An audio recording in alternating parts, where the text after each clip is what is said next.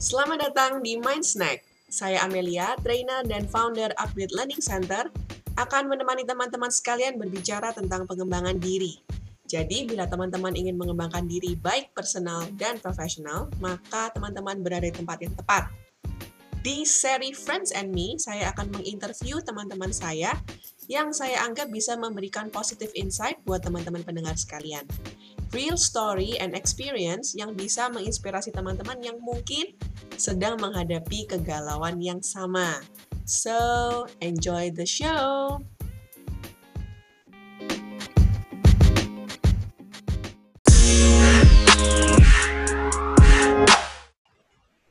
Oke, halo semuanya, halo juga. Uh, hari ini ada tamu spesial, yaitu Kak Revi.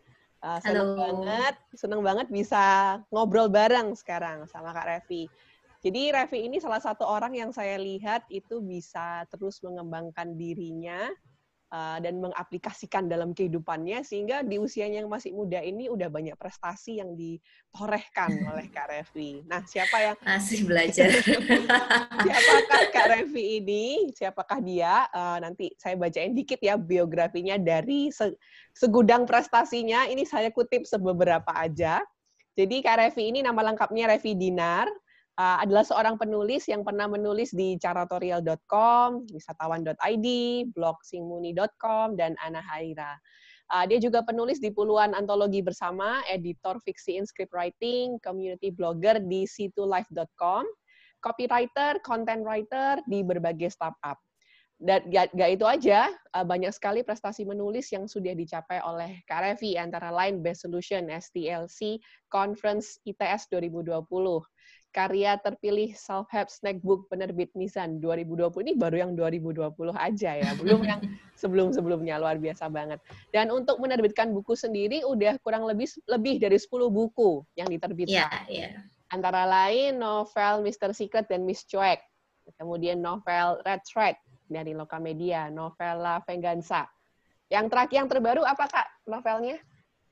Uh, yang terbaru masih proses terbit jadi itu bukan novel sih, tapi tips menulis fiksi gitu, Kak. Oh, oke. Okay. Jadi selama ini nulis novel, yang ini kali ini nulisnya non fiksi ya, Kak? Ya? Maksudnya, sorry, sorry, non fiksi. Jadi sebenarnya sih ini kemarin ada seleksi khusus non fiksi. Terus uh, karena background saya juga interpreter, jadi saya nulis tentang tips interpreting gitu sih. Oh, wow. Jadi yeah. menulis fiksi menulis non fiksi juga luar yeah, biasa. Yeah, yeah. nah selain jadi penulis buku seperti yang tadi Kak Revi sudah bilang, uh, Kak Revi sendiri juga penerjemah, penerjemah bahasa Jepang, menulis blog dan juga sekarang ini dia uh, menjadi trainer untuk kepenulisan baik online maupun yeah. offline yang menginspirasinya kemudian untuk memiliki kelas menulis namanya Workaholic.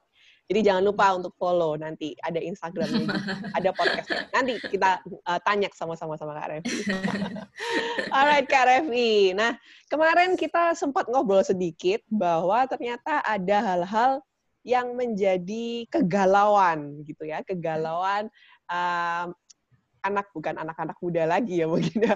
Iya, uh, 20-an lah ya. ya 20-an ya, gitu 30 ya. 30 awal. Jadi, ya antara 20 sampai 30 gitu ya. Ada kegalauan-kegalauan ya. khusus yang dialami gitu ya. Jadi masih usia-usia seperti ini tuh ada ada hal ada kegalauan khusus yang mungkin teman-teman lain pernah dengar istilahnya itu adalah krisis paruh baya gitu ya. Krisis hmm. paruh baya. Apa sih krisis paruh baya itu? Kayak apa sih? Jangan-jangan uh, teman-teman yang lain yang mendengarkan ini sebenarnya mengalami tapi nggak tahu kalau itu maksudnya krisis paruh baya. Boleh nih sekarang Kak Revi. Kak Revi uh, punya teman-teman yang usia-usia 25, 30 awal dan mengalami krisis paruh baya. Krisis paruh baya itu apa sih Kak? Kemudian Kak Revi juga mengalaminya nggak? Uh, jujur, ya pasti. Saya juga sempat pernah mengalami sekitar dua tahun lalu kali ya. Uh, dan menurut saya sih banyak sekali definisi memang tentang quarter life crisis atau krisis paruh baya itu. Sebagian besar sih ketika mereka sudah masuk pertengahan 20-an ngomongnya, aku ini orangnya berguna nggak sih? Terus kira-kira apa yang aku kerjakan itu emang sudah, apakah ini sudah jalan yang benar, yang bisa aku tempuh? Terus kenapa ya orang lain kok bisa gini sementara aku nggak? Jadi semacam kegalauan-kegalauan tentang pencapaian pribadi hmm. dan juga hmm, mungkin ada sisi membandingkan ya sama orang lain kayak yeah, gitu sih yeah, kak yeah, saya yeah. sih iya kalau gitu. dipikir-pikir juga benar ya mungkin pada waktu kita lulus kuliah kan kita pokoknya lamar kerjaan aja terus mana yeah, yang yeah. mana yang panggil mana yang nerima kita ke sana gitu kan yeah, nah setelah kita jalanin dua tahun tiga tahun empat tahun nah kita mulai mikir nih ini aku beneran mau serius di bidang ini atau hmm. coba yang lain? Galau. Galau ya. Terus kok teman antara idealisme sama realita kadang itu nah benar banget gitu ya. Ini ini enaknya gimana? Nah itu ya maksudnya kegalauan hmm. uh, paruh baya. Sehingga kita mulai me, waktu pertama lulus memasuki dunia profesional kita terima apa pun yang di depan mata. Nah sekarang kita mulai pada titik apakah kurus serius apakah harus ganti profesi gitu ya atau teman-temanku yang itu kayaknya enak gitu ya mulai banyak ya benar kelihatannya. Ya betul banget ya paling kelihatannya belum tentu beneran enak kayak gitu ya. Iya iya ya, Kak Revi gimana nih pengalamannya waktu mengalami uh, krisis paruh baya dan what are you doing at that time? Uh, jadi ada dua hal yang sebenarnya mungkin banyak dialami banyak orang sih kak. Nah, yang pertama adalah ketika saya ingin sekali S2 ke luar negeri. Jadi waktu itu waktu mau lulus S1 ada pikiran, "Duh aku pengen S2 ngelihat kakak kelas yang memang kan ada yang lulus apalagi sensei saya, dosen saya juga ada yang S2 di luar negeri, di Jepang terutama, terus yang lain-lain. Tapi waktu itu di sisi lain saya juga ingin menjadi orang yang ngerasain punya duit sendiri gitu kan. Karena aduh kapan lagi gitu kan untuk bisa mandiri? Karena waktu kuliah sibuk kuliah yang lain pada liburan aku sibuk nyari beasiswa gitu kan. Jadi senang-senangnya tuh nggak terlalu berasa gitu kan. Nah waktu itu akhirnya kerjalah dua tahun tiga tahun. Nah di situ akhirnya saya mulai merasa wah aku harus ngejar ini nih. Tapi di sisi lain karir nulis juga mulai naik waktu itu kan ketika sudah mulai fokus galau kak waktu itu. Aku mau lanjut nyari kerja aja atau aku mau melanjutin kejar beasiswa. Jadi waktu itu posisinya memang resign dari kantor pertama. Jadi itu numpuk-numpuk gitu kak waktu itu. Dan akhirnya setelah uh, memikirkan hal yang rumit-rumit itu, ya udahlah dicoba aja dulu. Akhirnya saya coba uh, dan saya dalami oh ternyata saya harus punya IELTS nih, padahal kan background saya Jepang. Nambah lagi galaunya. terus, aduh, kok gini sih, kok kayaknya ribet. Terus habis itu saya nyari info lagi. Kalau misalnya mau mendalami ilmu creative writing, ada ada di jurusan di Australia atau di uh, Inggris kan, di UK. Nah, pertimbangannya sih kalau belajar IELTS kan otomatis saya harus belajar lagi nih. Padahal di sisi lain, saya juga pengen ningkatin level bahasa Jepang saya. Jadi pikirannya tuh bercabangnya tuh hmm. macam-macam kak. Hmm. Lalu di satu sisi saya juga harus ngerjain tugas kantor, lalu juga harus mulai ngerjain uh, freelance-freelance nulis, banyak banget. Nah akhirnya saya kesampingkan dulu nulisnya waktu itu ya nul tetap nulis tapi membatasi gitu kak. Saya saya kejar setelah saya dalami semakin saya mendalami itu sampai pada satu titik ketika saya sudah habis biaya banyak buat belajar IELTS, belajar ikut seminar segala macam sekitar satu tahunan ya. Saya nggak mau ngomongin ini uh, wasting time atau wasting money, tapi ini kan proses. Saya pada titik waktu itu saya membaca blog milik Alan Dakariza. Jadi dia adalah salah satu seorang awardee dari Chevening Scholarship dan juga penulis buku yang saya suka dia menulis di blognya uh, kenapa saya tidak pernah mengglorifikasi uh, status master degree saya. Kenapa saya selalu bilang bahwa lulusan S2 itu tidak selalu membuat kamu sukses. Oke, kalau memang kamu merasa S2 di luar negeri membuatmu bisa mendapat uh, meningkatkan karir misalnya atau memang kamu merasa ini adalah jalan satu-satunya untuk bisa meningkatkan level hidupmu, maka kejarlah. Tapi kalau memang sebenarnya kamu nggak perlu ke sana tapi bisa berhasil, kenapa harus capek-capek ke sana gitu kan? Atau bisa jadi kamu ke sana hanya untuk keren-keren. Wah, di situ akhirnya saya terpukul kak. Jangan-jangan karena kan saya suka traveling nih, jangan-jangan sebenarnya aku pengen ke sana karena aku sebenarnya pengen jalan-jalan aja ya gitu kan. Jadi ya, ya, di ya. situ akhirnya kegalauan itu Dan ketika akhirnya saya mulai saya mulai uh, melepas, saya mulai fokus ke menulis aja. Lama-lama memang jalannya lebih terbuka lebar di nulis ini. Nah, akhirnya saya putuskan I make a decision tulus tulus jadi saya tinggalin aja semuanya. Walaupun memang biayanya nggak sedikit kak. Memang kak dan udah satu tahun ya dipersiapin iya, ya. persiapan IELTS les segala macam dan waktu itu uh, ada cerita lucu sih sebenarnya. Jadi di satu sisi saya kan suka challenge myself ya. Jadi waktu itu saya sempat uh, ikut kayak prediction test di salah satu kursus yang lumayan mahal saya nggak perlu sebut merek di sini di Surabaya di Sutos tempatnya mungkin ada yang tahu makin lama makin jelas nih apa. Ya, tapi kan nggak perlu sebut merek kan. Ya, ya, di situ ya. akhirnya saya saya prediction test. Uh, kisaran bayangannya tuh saya masih jelek banget. Jadi poinnya tiga waktu itu hmm. pertama kali. Mungkin baru dua bulan belajar. Terus dia bilang kalau mau uh, mau dapat IELTS yang bagus harus les di sini. Kamu nggak bisa belajar sendiri. Waktu itu seperti itu kak. Hmm. Ya, otomatis saya tertantang dong. Dan di ya, satu sisi ya. saya nggak punya waktu untuk ikut les segala macam karena saya kan kerja. Ya. Dan juga saya juga rencananya mau pindah ke kota yang lebih jauh. Awalnya kan kerjanya di sidoarjo kan, dekat Surabaya. Tapi habis itu mau pindah Pasuruan. Jadi kan nggak mungkin tuh kan saya ambil les online. Surabaya juga, gitu. Iya ya. kan nggak mungkin banget gitu kan. Akhirnya dan ditambah lagi kak biayanya lumayan mahal. Yeah. Kalau misalnya saya kalkulasikan selama setahun itu bisa saya pakai untuk ambil S2 di sini. iya, beneran mahal banget. ya. iya, mahal yeah. kisarnya begitu. Iya, yeah, iya, yeah, iya. Yeah. Uh, akhirnya saya belajar sendiri, saya cari guru privat. Kita les les privatnya sih cuma sebulan. Sisanya saya belajar dari YouTube, podcast sama beli-beli bukunya sih dan ikut seminarnya yang ya tidak murah juga seminar khusus IELTS dan untuk bisa belajar bikin essay segala macam.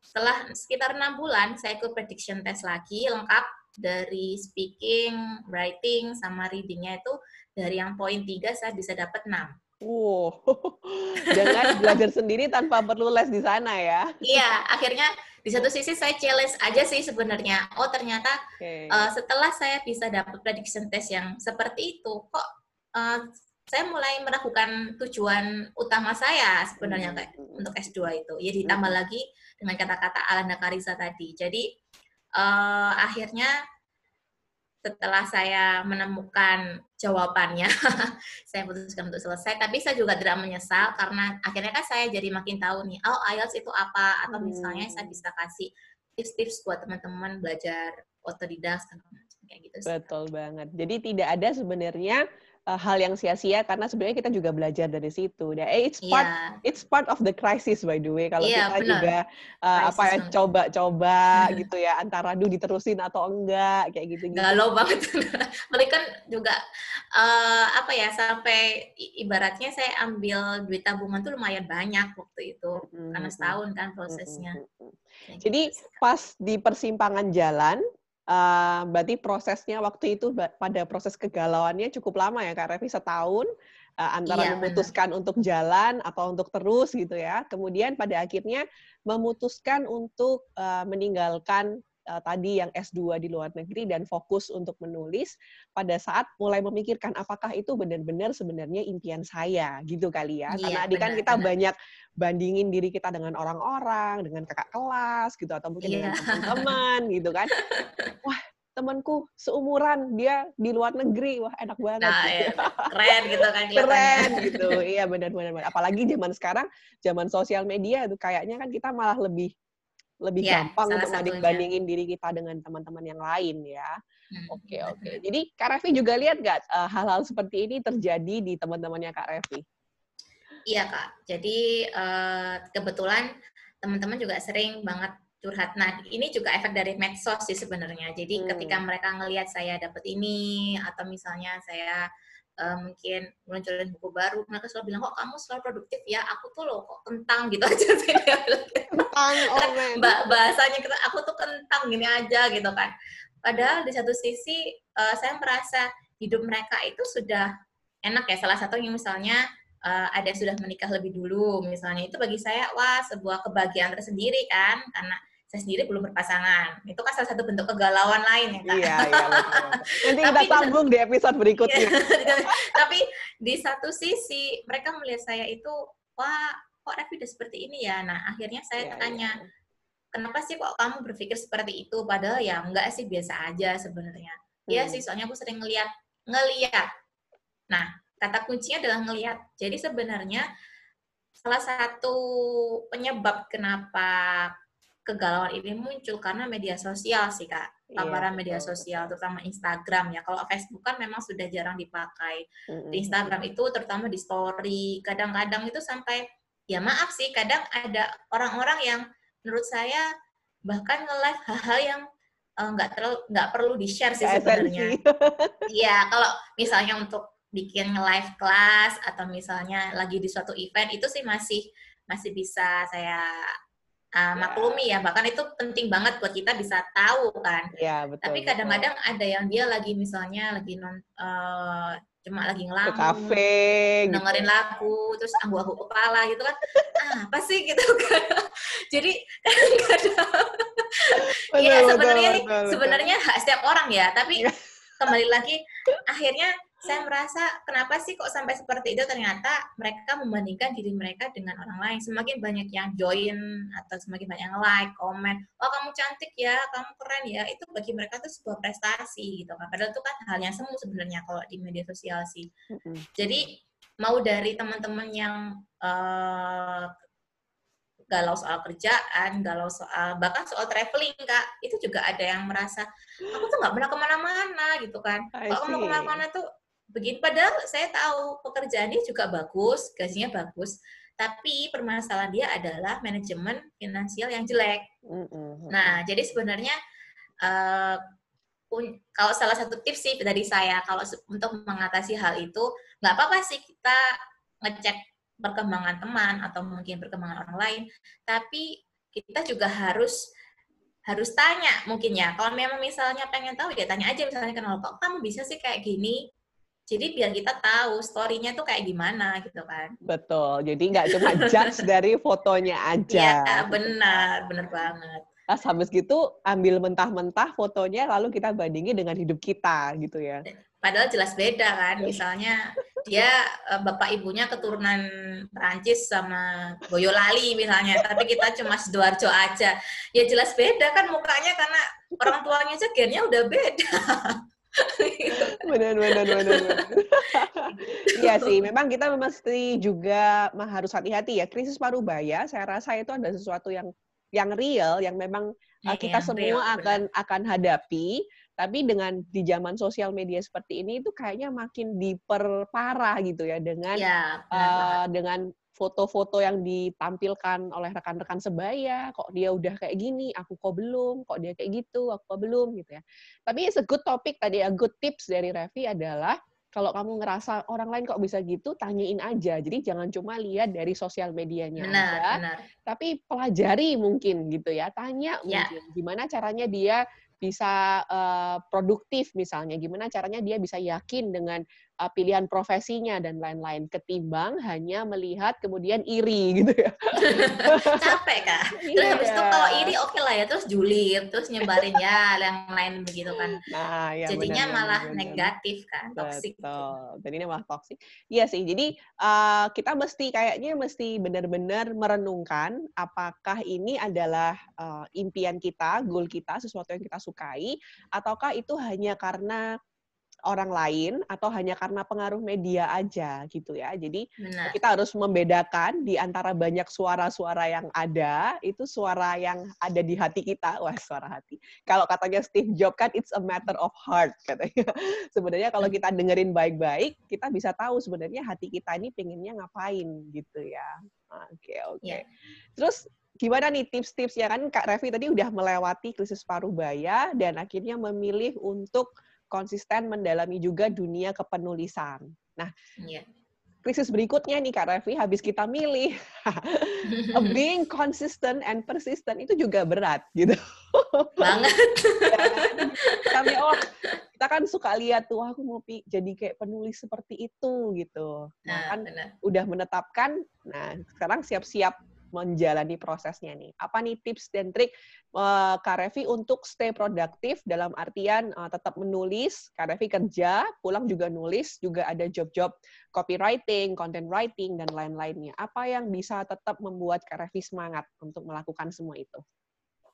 Uh, yang pertama tentunya big sih Kak. Jadi sebelum saya menetapkan sebuah tujuan nih, misalnya sebelum saya memutuskan untuk kok saya milih nulis daripada S2 di luar negeri yang kelihatannya lebih mentereng, saya mikirnya begini, kena yang pertama adalah goal. Kalau misalnya waktu itu saya mau S2 nih, goal saya ke depannya apa? Impact yang mau saya kasih itu apa? apa cuma jangan-jangan saya ke sana terus pulang lalu akhirnya malah pengen kerja keluar dan pengen membangun ya, agak agak idealis sih kak sebenarnya jadi pikulnya apa dulu kalau misalnya cuma pulang balik ujung-ujungnya ada kerja lagi kan percuma yeah. ditambah lagi dalam waktu dua tahun itu pasti akan lebih banyak bibit-bibit unggul yang juga uh, persaingan kerja kan makin ketat. Sementara kalau saya cuma dengan pengalaman kerja sedikit, lalu ujung-ujungnya kerja nggak nggak bikin uh, usaha atau semacamnya atau nggak bikin impact yang bagus malah akhirnya ijazah S2 saya di luar negeri itu malah kelihatannya lucu gitu kan nggak kepake nah makanya akhirnya saya bandingin bikul saya dinulis nah bikul saya dinulis itu kan one day saya pengen banget bikin sekolah nulis sama kursus bahasa sendiri gitu kan dan juga hmm, saya juga pengen dari tulisan saya bisa membantu banyak orang okay. atau misalnya lewat uh, mungkin lewat kelas-kelas saya. Nah, akhirnya saya mikir, oh ternyata kalau misalnya dalam waktu dua tahun itu kubandingkan antara S2 sama nulis, malah lebih maju S2 ini, lebih maju si nulis ini. Nah, akhirnya yang pertama adalah bikin big goal dulu. Hmm. Kalau big goal-nya sudah ada, yang kedua baru bikin uh, step-stepnya. Hmm. Yang mungkin pernah di kelasnya upgrade pernah ajarkan yang goal setting kayak gitu kan. Jadi kita bikin step-step yang terarah entah itu mingguan lalu di uh, bagi lagi jadi per hari. Nah, kalau misalnya untuk berusaha stay produktif dan konsisten sih sebenarnya kuncinya itu di Google Calendar, Kak. Oke, kuncinya di Google Jadi, Calendar. ya, uh, uh, smartphone-nya dipakai sih sebenarnya buat scheduling Jadi, gitu ya. scheduling ya. Tapi kalau untuk nulis kan nggak harus yang terlalu wow gitu. Biasanya sih karena saya kan sudah terbiasa punya planning ya, misalnya bikin buku dalam waktu dua bulan. Nah itu nanti dibagi lagi satu hari berapa halaman kayak gitu. Dan yang itu kan goal setting tiap hari ya kak. Yang ketiga adalah pakai sistem alarm. Oke. Jadi, Gimana maksudnya tuh uh, alarm?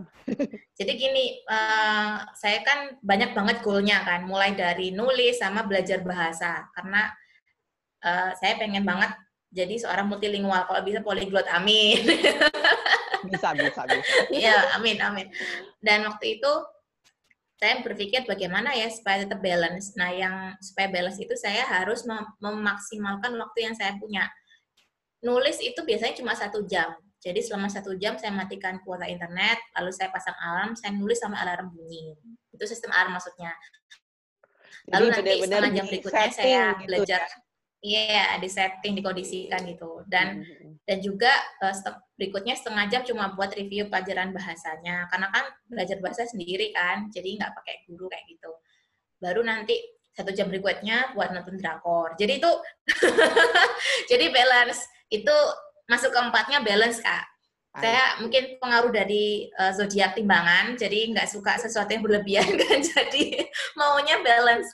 Yang keempat balance. Uh, selain juga sibuk, kita juga harus tahu waktu waktunya untuk istirahat. Entah itu mungkin istirahat untuk sekedar baca atau mungkin ngobrol-ngobrol sama keluarga kayak gitu sih kak. Atau mungkin ngelakuin hobi yang lain selain passionnya kita. Jadi sebenarnya itu simple sih untuk konsisten dan persisten karena begini karena banyak orang yang konsisten aja tapi kurang hiburan kak akhirnya ketika mereka mereka gitu ya? panas iya stres akhirnya mereka uh, berhenti stop karena hmm. ini adalah beberapa keluhan dari teman-teman penulis saya hmm. yang selalu bilang kak aku tuh sudah nulis setiap hari tapi tiba-tiba itu kayak burning out kayak gitu kan ah. uh, kayak tiba-tiba tuh nggak males gitu kan muak gitu ngelihat uh, uh, uh, uh saya pernah mengalami itu. Akhirnya saya tahu, oh ini mungkin waktunya istirahat. Saya bilang, mungkin kamu kurang istirahat, kamu terlalu terlalu ngeforsir, jangan seperti itu. Jadi saya bilang seperti itu. Kayak gitu-gitu aja sih, Kak. Simple sih. Oke. Okay. Jadi tadi ya, yang pertama kali harus punya big pictures-nya dulu. Kita yeah, ini sebenarnya mau apa sih gitu ya. Mungkin kita bisa mulai dengan bayangin uh, at the end, kalau saya memang pilih jalan ini, ujungnya saya mau jadi apa. Kalau pilih jalan itu, ke depannya saya mau ngapain itu ya. Jadi itu yang kita pikirkan. Jadi nggak hanya pokoknya aku mau S2 atau oh, pokoknya aku mau ini, pokoknya aku mau itu gitu. Tapi pikirkan juga jauh ke belakang gitu ya. Ke belakang apa ke depan ya? Jauh ke depan. jauh ke depan. jauh ke depan.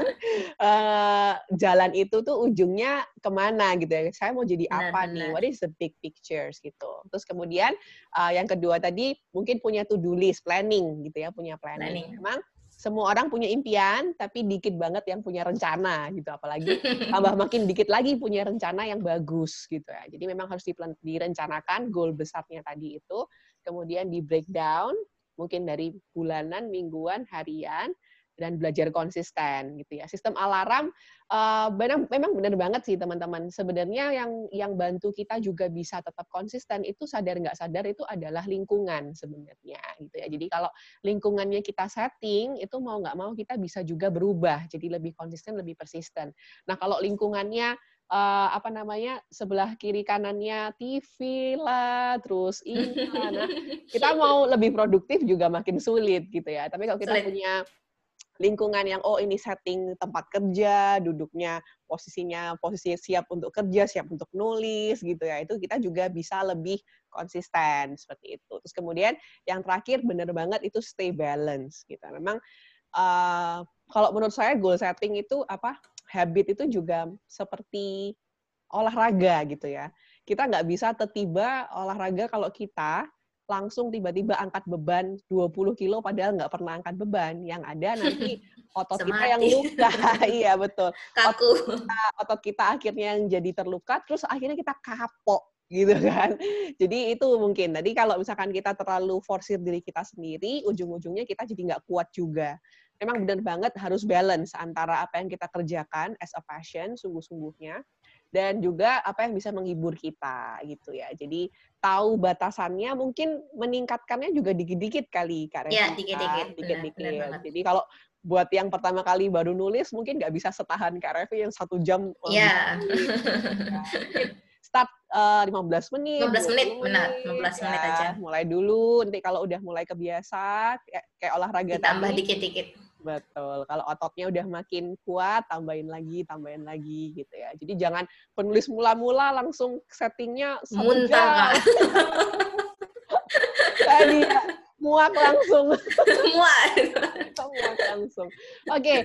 satu pertanyaan terakhir Kak Revi. Kita tahu kalau dalam perjalanan kita nanti berproses, pasti kita akan mengalami hal-hal yang namanya uh, apa namanya tadi ya burnout kemudian kita kayaknya males atau kemudian hmm. kita uh, akhirnya itu udah mencoba let's say jadi penulis nih, udah coba kirim kirim kirim 10 kali kirim, 15 kali kirim kayaknya nggak ada hasil gitu terus kita kemudian akhirnya mempertanyakan lagi, aduh bener nggak sih aku ini jadi penulis gitu ya. Jadi ada nggak tips-tips yang Kak Revi bisa sharingkan untuk kita bisa bukan hanya persistent and consistent, tapi juga bisa stay strong gitu. Maksudnya kalau ternyata kondisi-kondisinya itu uh, masih belum mengizinkan kita mengecap kesuksesan. Gimana Kak Revi? Uh, ini sebenarnya selalu sering ditanyain sih kak sama teman-teman entah di kelas penulisan atau yang lain. Saya selalu bilang ketika kamu mengejar impian, anggap itu kamu lagi main. Maksudnya begini, bukan berarti kita bermain-main atau malas-malasan enggak, tapi seperti main game. Ketika kita kalah, kita akan reset, kita akan mulai ulang lagi. Kalau misalnya kita sudah benar-benar tahu tujuannya kita apa, lalu mungkin prosesnya gagal, sebenarnya mungkin sedih pasti. Awal-awal dulu saya juga begitu, bahkan uh, ketika masih kecil kalau kalah lomba itu kadang males makan kak dulu itu orang itu ambisius banget. Jadi sebelum sebelum menjadi seorang review yang woles saya dulu waktu kecil itu adalah sangat-sangat ambisius dan sangat-sangat apa ya uh, orangnya itu suka kompetisi kompetitif banget kak. Mungkin menjengkelkan kak kalau misalnya karakter itu masih ada. Nah akhirnya ketika saya pernah mengalami sebuah kekalahan waktu dulu masih SD mama saya bilang kalau kamu ikut lomba tujuanmu hanya untuk menang, maka kamu udah kalah di awal. Hmm. Tapi kalau kamu ikut lomba untuk uh, untuk belajar, untuk tahu karena kamu juga kalau kalah itu juga proses belajar sih, belajar buat gimana caranya supaya nanti bisa bangkit lagi. Lalu yang kedua, kalau kamu menang, kamu juga belajar karena apa? Mempertahankan juara itu lebih sulit daripada kamu mencapai sesuatu. Orang yang mengejar sesuatu biasanya tuh sangat-sangat semangat ya kak. Biasanya seperti itu. Ketika dia sudah mendapatkan satu kali kemenangan, dua kali kemenangan, terlena, akhirnya nggak mau belajar, itu akhirnya jatuh. Ini adalah pada waktu itu saya masih umur 8 tahun kak waktu itu. Tapi nempel banget di kepala saya. Akhirnya secara perlahan saya tetap secara secara sadar memang saya orangnya kompetitif banget sebenarnya. Tapi sudah nggak sepaneng kayak dulu lagi, tetap biasa. Jadi akhirnya saya selalu ngasih tips anggap bahwa setiap kali kamu ngejar impian adalah kamu proses belajar. Namun proses belajar kan kadang kita dapat nilai jelek, kadang dapat nilai begini, kayak gitu kan. Tapi jangan curang, saya bilang gitu. Karena kalau misalnya kamu waktu ujian sering nyontek, akhirnya kamu nggak dapat apa-apa kan. Iya. Mending belajarnya pelan-pelan, akhirnya dapat sesuatu. Makanya ini juga yang sering saya kasih tahu juga ada dua ada dua tipe sih yang sering tanya ke saya antara nulis sama belajar bahasa sih kak. Mm-hmm. Nah yang satunya lagi mereka selalu tanya kak gimana sih supaya kita bisa belajar bahasa asing banyak. Saya bilang kalau tujuan kamu banyak kamu nggak akan bisa. Tapi kalau tujuan kamu satu sampai mateng lalu baru belajar yang lain kamu pasti bisa. Akhirnya saya bilang e, sebelum kamu belajar bahasa baru paling enggak bahasa pertama yang kamu belajar itu sudah sampai level intermediate. Jadi misalnya kamu lagi fokus yang baru, yang pertama ini enggak terlalu lupa lah ketika kita lama vakum kan tinggal ngulang aja kan untuk latihan kayak gitu sih. Jadi walau cuma step yang kecil, misalnya satu hari kamu cuma sanggup belajar dua kosakata aja itu nggak masalah, asal konsisten. Nah itu yang akhirnya bikin kita eh, nggak uh, males. Nah kenapa kok jangan dibikin sepaneng? Saya bilang gitu karena kalau kita itu dari awal tegang tujuannya tuh terlalu eh, terlalu berekspektasi gitu loh kak. Terlalu masang harapan tinggi hmm. tapi kitanya sendiri belum siap buat ke sana. Itu yang iya. bikin kita kecewa sih sebenarnya itu sih. Iya iya iya. Uh, memang benar banget ya tadi uh, apa kata kak Revi itu bagus banget. Kita lihat bahwa proses kita mengejar impian atau menjalani passion itu seperti uh, kita sedang bermain gitu ya, bermain dan belajar gitu. Jadi dibawa santai, uh, tapi juga dibawa sesuatu yang mengembangkan gitu. Ya benar. benar. Kalau misalkan kita too serious nanti kita bisa kalau nggak kesampaian mungkin kita bisa bisa trauma gitu kali ya. Trauma, kalau kita bener. melihat itu sebagai proses kita belajar, ingat ya teman-teman sekali lagi kata kuncinya itu di proses segala sesuatu yang kita buru-buru capai biasanya kita juga akan cepat kehilangan. Tapi kalau kita berproses itu kita belajar banyak banget gak hanya jadi penulis tapi seperti Kak Revi belajar persisten, belajar konsisten, belajar karakter-karakter ketekunan yang itu hanya bisa didapatkan melalui proses gitu ya. Bayangin kalau sekali kirim langsung jadi, sekali kirim langsung jadi gitu ya. Wah, jadi sombong kan nanti. Sombong gitu. Maksudnya secara karakter kita juga nggak akan terbentuk seperti itu. Iya, benar-benar. Jadi memang kita mesti ngelihat uh, memang kadangkala uh, lingkungan kita tuh selalu menganggap remeh yang namanya kekalahan gitu ya. Selalu selalu ah, kalau bisa jangan sampai gagal, kalau bisa jangan sampai salah, kalau bisa nilainya harus selalu bagus. Nah, mindset-mindset seperti itu yang kita juga mesti belajar untuk ubah bahwa sebenarnya dari kekalahan pun, dari kesalahan pun, dari kegagalan pun kita juga belajar gitu ya. Memang waktu memang waktu merasakan rasanya nggak enak gitu tapi uh, itu ter, uh, pahit tapi kan itu terkenang. Maksudnya dalam artian kita benar-benar jadi belajar banget gitu kan. Saya juga gitu waktu pertama kali uh, datang terlambat ke sekolah waktu masih masih SD nggak pernah terlambat. Wah selalu sempurna. Datang nggak pernah terlambat. Sekali datang terlambat wah itu jerah banget. rasanya tuh akhirnya lebih bisa mengatur gitu nggak nganggap remeh bangun pagi dan hmm. lain-lain hmm. gitu ya jadi jangan anggap remeh yang namanya kegagalan atau kesalahan tapi lihatlah itu sebagai bagian dari perjalanan menuju kesuksesan gitu ya dan juga oh ya kak ada satu lagi sih nanti boleh boleh gimana gimana kak Revi uh, jadi ingat sih jadi selain dari diri sebenarnya kita juga butuh support system sih nah yes. kebetulan kebetulan saya beruntung punya orang tua yang uh, menyupport saya dengan baik dan juga nggak cuma meminta kesempurnaan sih. Jadi Kalau misalnya menurut saya sih memang papa sama mama ini adalah orang-orang yang punya apa ya kalau saya bilang itu kadang saya mikir orang-orang ini kebentuk dari mungkin karena dari hidup mereka yang keras segala macam. Tapi mereka adalah orang-orang yang punya semangat tempur keras tapi juga menganggap hidup itu lelucon gitu kak. Jadi uh, mereka itu selalu ngajarin supaya kita punya mimpi besar tapi juga jangan lupa untuk having fun kayak gitu sih. Hmm. nah selain itu uh, saya juga ketika ketika dalam berproses nih kak, nggak selalu kita ketemu orang yang support kan. Yes. Ada orang-orang yang julid, bahkan pernah ada orang-orang yang saking bencinya sama blog saya, mereka membentuk sebuah geng haters yang ya gitulah kak. Padahal oh. hanya gara-gara sebuah isi blog yang tidak uh, tidak menyinggung mereka sih, tapi sebenarnya hmm. waktu itu saya nulisnya tentang ini eh, dosa-dosa uh, di media sosial. Waktu itu saya bikin hmm. bikin start, bikin tulisan seperti itu. Mungkin ada isi kontennya tersinggung yang mereka gitu lakukan ya. itu nggak yeah. tersinggung gitu kan. Nah, kan kalau misalnya pakai undang-undang ITE mungkin saya menang nggak sebenarnya karena sampai ada yang di screenshot gitu kan, di share gitu kan, di kata-kata yang jelek-jelek kayak gitu. Hmm. Tapi uh, akhirnya saya mikir ya begini kalau misalnya saya fokus sama hal-hal yang toksik mungkin saya akan nggak akan berkembang ya. dan juga ada masanya ketika saya memutuskan untuk meninggalkan sebuah lingkungan yang awalnya saya nyaman tapi lama-lama ketika saya di situ kok rasanya eh, nggak uh, cuma nggak cuma merendahkan impian dan juga profesi, profesi saya sebagai penulis tapi juga meremehkan karya saya kan lama-lama saya mikir ya sudah walaupun mungkin berat karena sudah nyaman di sini akhirnya saya memutuskan untuk pergi jadi ada ada masa-masanya juga kita harus memutuskan uh, siapa yang berhak untuk dekat sama kita dan juga siapa orang-orang yang memang benar-benar support sama kita sih kayak gitu sih kak. Wah itu benar banget. Benar banget. Iya. memang kita sebagai manusia ini memang makhluk sosial sih. Kita akan dikuatkan iya. kalau dengan support system yang bagus dan kita juga akan dilemahkan. Makanya ada ada ada apa quotes itu ya uh, show me your friends and I will know what kind of person you are.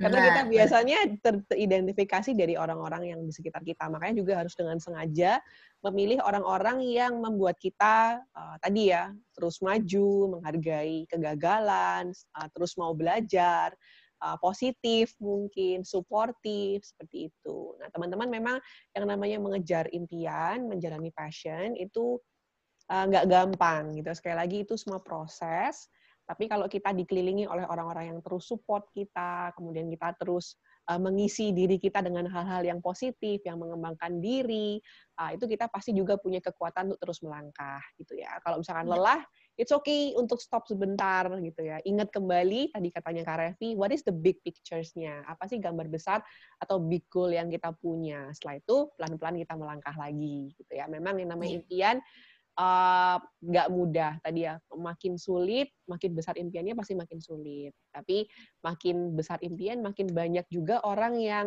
uh, akan ditolong akan merasakan dampak positif dari ya, kita gitu ya. Jadi uh, jangan hanya lihat postingan-postingan di sosial media.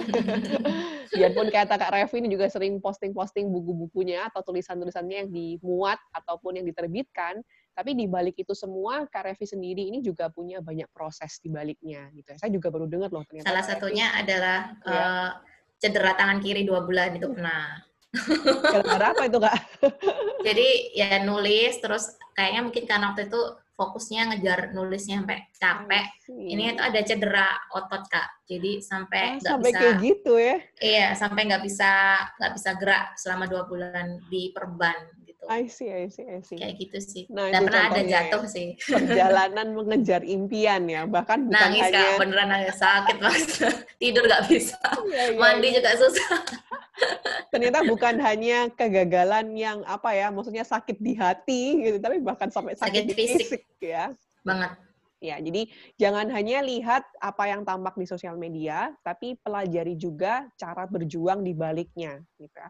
Cara orang tersebut menggapai impiannya. Nah, di setiap kita pasti akan nah. mengalami krisis, uh, keputusan pasti kita akan terus ambil, biarpun kita udah lewat paruh baya, tetap banyak keputusan-keputusan di depan yang kita harus uh, ambil.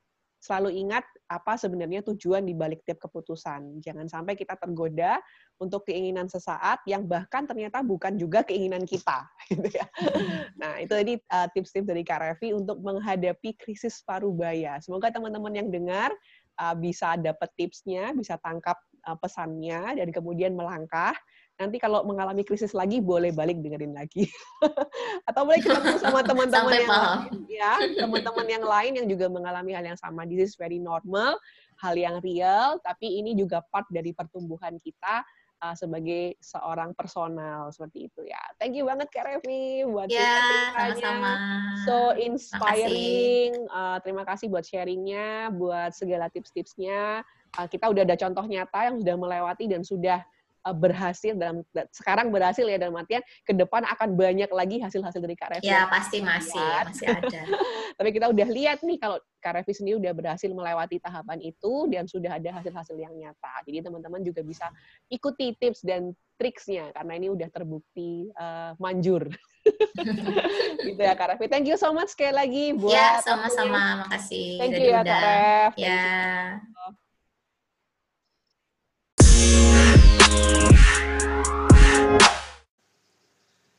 Oke, sekian episode hari ini. Saya harap kita bisa mempraktekkan bersama apa yang telah kita dengar. Bila teman-teman merasa channel ini memberikan kontribusi positif, silakan follow dan sebarkan ke teman-teman yang lainnya.